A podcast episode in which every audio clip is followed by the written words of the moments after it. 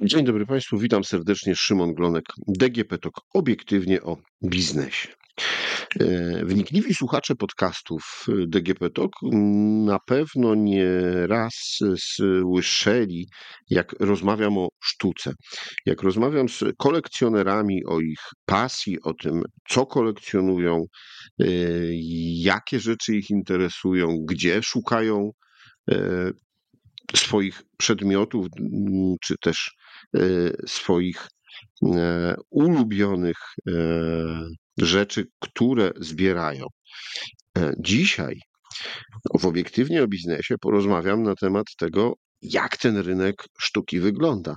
Czy jest to rynek sztuki, w który Polacy inwestują, czy też po prostu kupują, żeby zaspokoić swoje potrzeby duchowe, swoje potrzeby estetyczne.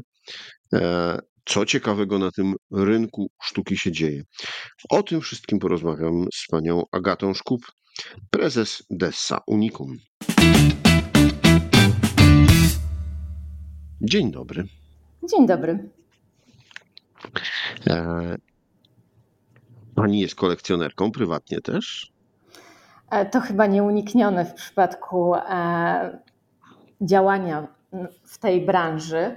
Sama, sama zbieram, kolekcjonuję. To jest zbiór podyktowany zainteresowaniami, ale też zbiór lekko przypadkowy, ze względu na to, że znajdują się tam prace artystów, których miałam okazję poznać w trakcie swojej e, kariery na rynku sztuki. Przypadkowy pomyślałem, że dlatego, że może po prostu ma Pani dostęp do wiedzy i okazji, e, w co warto zainwestować też. I dlatego kolekcja jest taka przypadkowa z punktu widzenia może spójności kolekcjonerskiej, ale nie przypadkowa z punktu widzenia inwestycji.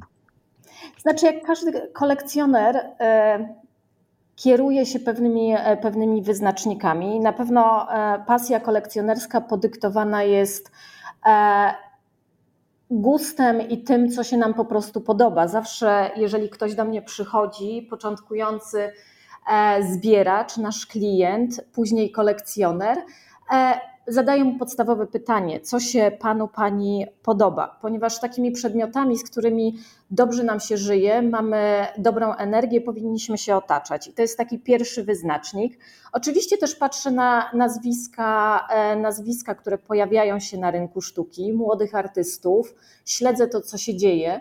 I to oczywiście tak, tak, to też rekomenduję e, naszym, naszym klientom. Należy być na bieżąco, śledzić, e, śledzić świeże, nowe nazwiska pojawiające się na rynku, ale też, świeży, ale też śledzić wydarzenia, które, e, które się pojawiają. Jacy artyści będą mieli duże wystawy jacy artyści kupowani są do zbioru w kolekcjach międzynarodowych, jakie wystawy odbywają się nie tylko w Polsce, ale i za granicą.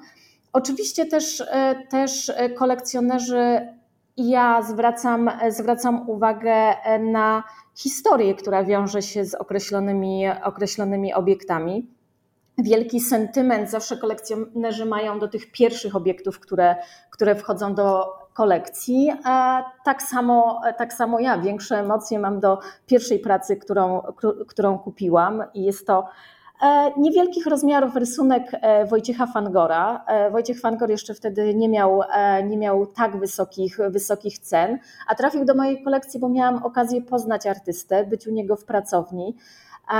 Odwiedzałam go, odwiedzałam go wielokrotnie i z tym obiektem wiąże, wiąże niesamowite emocje i tak samo zazwyczaj kolekcjonerzy E, z tymi pierwszymi obiektami, mimo że być może nie są one najcenniejsze pod względem finansowym, nie są one czasami wypadają z kolekcji, z koncepcji kolekcji, nie pasują e, później do spójnej całości, to i tak i tak mamy do nich największy sentyment.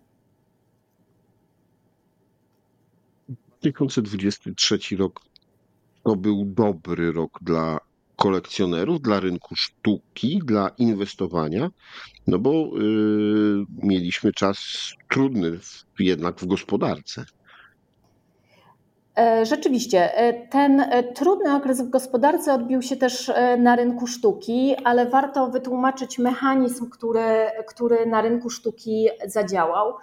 to, co dzieje się na rynku sztuki, bardzo mocno podyktowane jest z podażą tym, czym możemy dysponować i co możemy wystawić, wystawić na aukcję. A był to rzeczywiście rok pod tym względem trudny, ponieważ kolekcjonerzy wstrzymywali się ze sprzedażą tych najlepszych obiektów, e, obiektów ze, swoich, e, ze swoich zbiorów ze względu na galopującą inflację. E, rynek e, sztuki e, opiera się na tych topowych, topowych obiektach, a tych topowych obiektów w 2023 roku było znacznie mniej niż w roku poprzednim. Warto tutaj przypomnieć, że w 2022 roku odbyła się chociażby odbyło się pięć aukcji z kolekcji Grażyny Kulczyk, czyli na rynek wpłynęło około 200 prac wybitnej, wybitnej klasy, pochodzących z wybitnej kolekcji, i ta aukcja wygenerowała obrót na poziomie 37 milionów złotych. Takich wydarzeń w 2023 roku nie mieliśmy. Nie mieliśmy, e, nie mieliśmy też obiektów, które przekraczały magiczną granicę 10 milionów złotych. I to spowodowało, że ogólny obrót na rynku dzieł sztuki jest mniejszy. E, Desa Unicum zanotowała obrót na poziomie 230 milionów. Umocniła swoją pozycję lidera, jeżeli chodzi o Europę Środkowo-Wschodnią, ale też całą Europę, bo awansowaliśmy z dziewiątego miejsca na ósme miejsce, jeżeli mówimy o całym rynku rynku europejskim. To też pokazuje, że ten polski rynek umacnia się na arenie, na arenie międzynarodowej. E, mieliśmy ale czy to oznacza, że Polacy chętniej inwestują swoje pieniądze e, w dzieła sztuki, nie tylko pod względem takim kolekcjonerskim, ale też pod względem no, zabezpieczenia wartości tych pieniędzy? Czy sztuka opiera się inflacji? Można tak powiedzieć, że sztuka opiera się inflacji, ponieważ, e, ponieważ polski rynek sztuki goni rynki zachodnie. My jesteśmy, e, jesteśmy relatywnie młodym rynkiem, jeżeli myślimy o, e, o rynkach z Europy, Europy Zachodniej czy o rynku e, amerykańskim.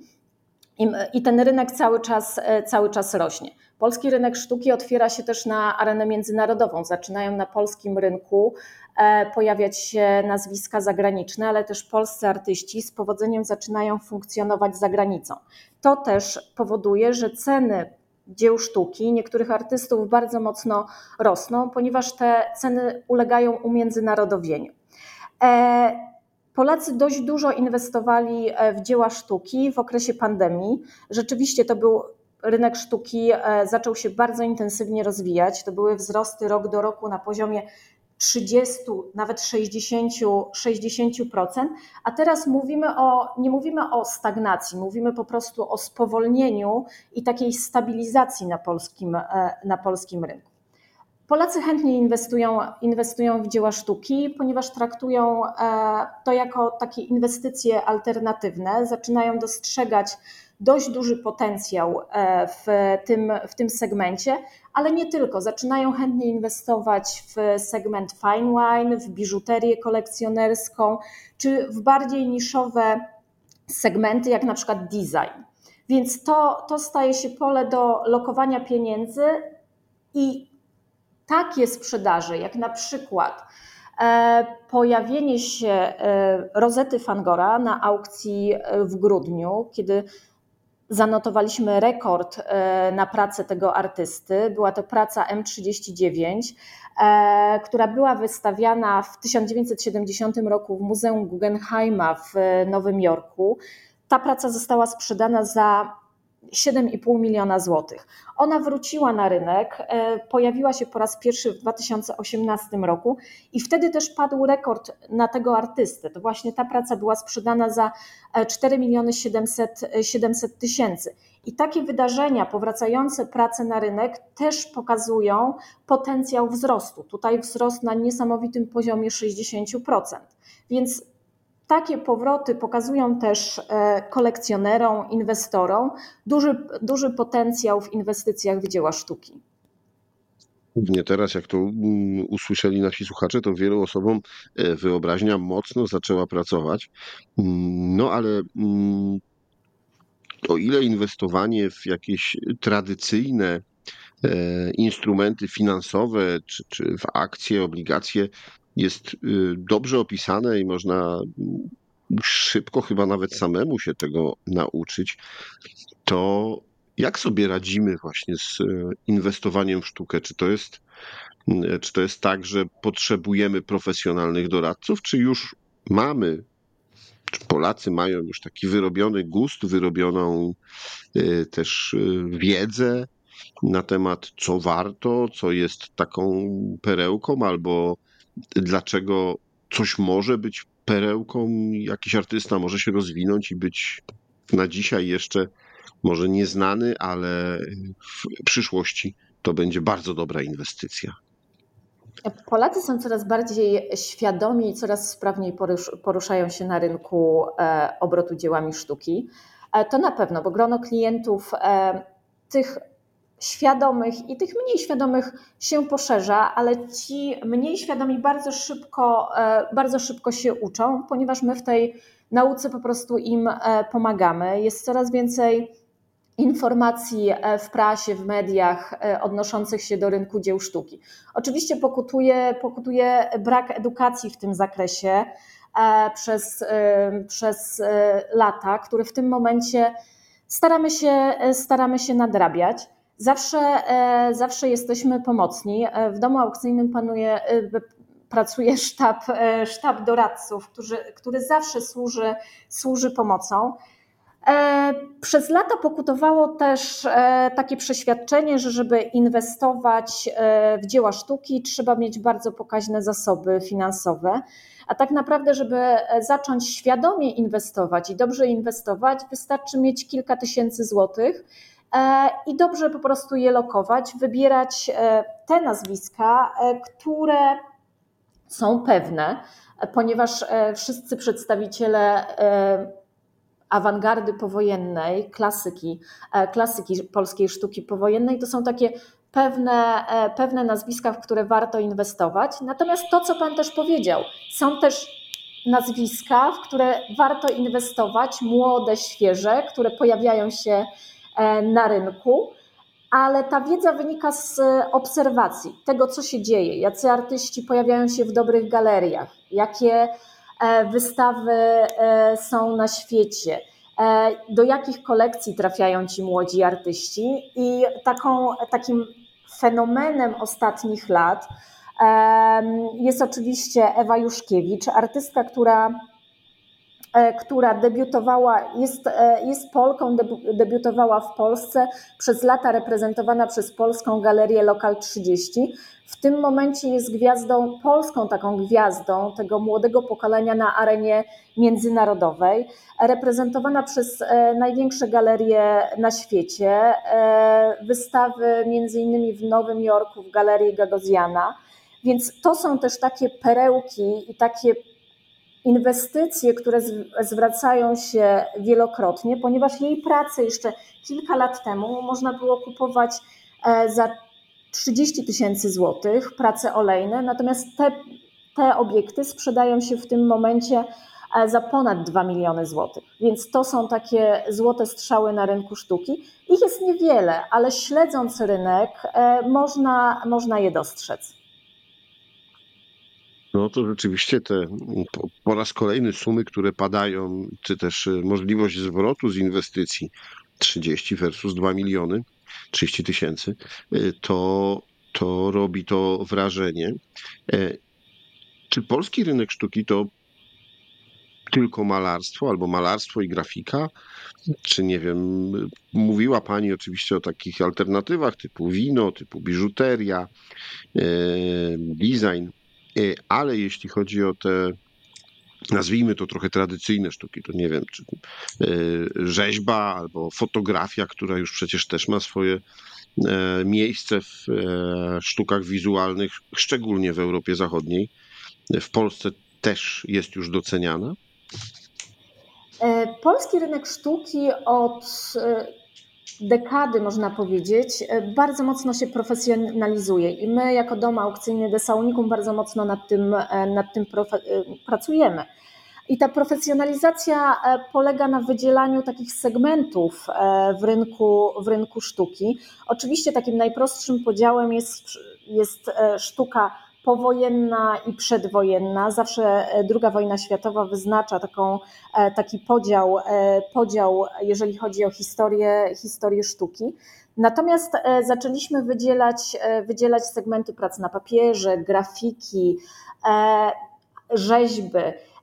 Wprowadziliśmy również, również aukcję zapomnianej przez lata tkaniny artystycznej. Pojawiły się również tak niszowe projekty, ale super rozwijające się, jak chociażby aukcje komiksu. Ostatnie lata to również aukcje street artu, sztuki ulicy. Więc nie mówimy tylko o kolekcjonowaniu obrazów. Oczywiście to jest dominujący, dominująca materia, dominujące medium, jeżeli e, mówimy o, o kolekcjonowaniu, ale bardzo dobrze rozwija się, rozwija się również e, segment e, designu. Od kilku lat wprowadzamy na rynek e, polski design, który, który przez długie, długie lata utożsamiany był z taką niechcianą schedą PRL-u. Natomiast Polacy zaczęli doceniać polski design. W 2023 roku zrobiliśmy pierwszą aukcję designu międzynarodowego. Uznaliśmy, że polski rynek jest gotowy, żeby wprowadzić, wprowadzić na niego ikony designu międzynarodowego. Ten projekt bardzo, bardzo dobrze się przyjął i będziemy go kontynuować w 2024 roku. Polacy chętnie zaczęli inwestować też nie tylko w dzieła sztuki, ale w obiekty kolekcjonerskie. Tutaj mówimy już o wspominanej biżuterii kolekcjonerskiej, ale też zaczęli doceniać e, inwestycje alternatywne, między innymi segment, zaczął się rozwijać segment fine wine, Pierwsza aukcja zorganizowana w 2023 e, przekroczyła nasze, e, nasze najśmielsze oczekiwania. E, obrót na pierwszej aukcji wyniósł aż blisko 900 tysięcy złotych. Więc, więc jeżeli mówimy o polskim rynku, nie mówimy tylko i wyłącznie o malarstwie. Oczywiście jest to, jest to ta, ten element dominujący, natomiast inne segmenty rozwijają się równie dobrze dla tych, którzy będą nas słuchali kiedyś później, później, to nagrywamy ten podcast 31 stycznia, czyli można powiedzieć, że jeszcze na progu 2024 roku. E, to proszę powiedzieć, jakie w tym roku mogą być trendy, gdzie warto popatrzeć, gdzie warto ucho przyłożyć, e, żeby na przykład dobrze zainwestować i, e, i dobrze, dobrze na tym zyskać w krótszej bądź dłuższej perspektywie? To, co już mówiłam wcześniej, na pewno zawsze taką dobrą i bezpieczną inwestycją są te najbardziej znane, znane nazwiska, zarówno. No tak, ale tam to już potrzebujemy pewnie z tej sporej gotówki, no bo jeśli Fangor z 3 czy 4 milionów skacze na 7-8, e, no to to już są e, potężne pieniądze, można powiedzieć.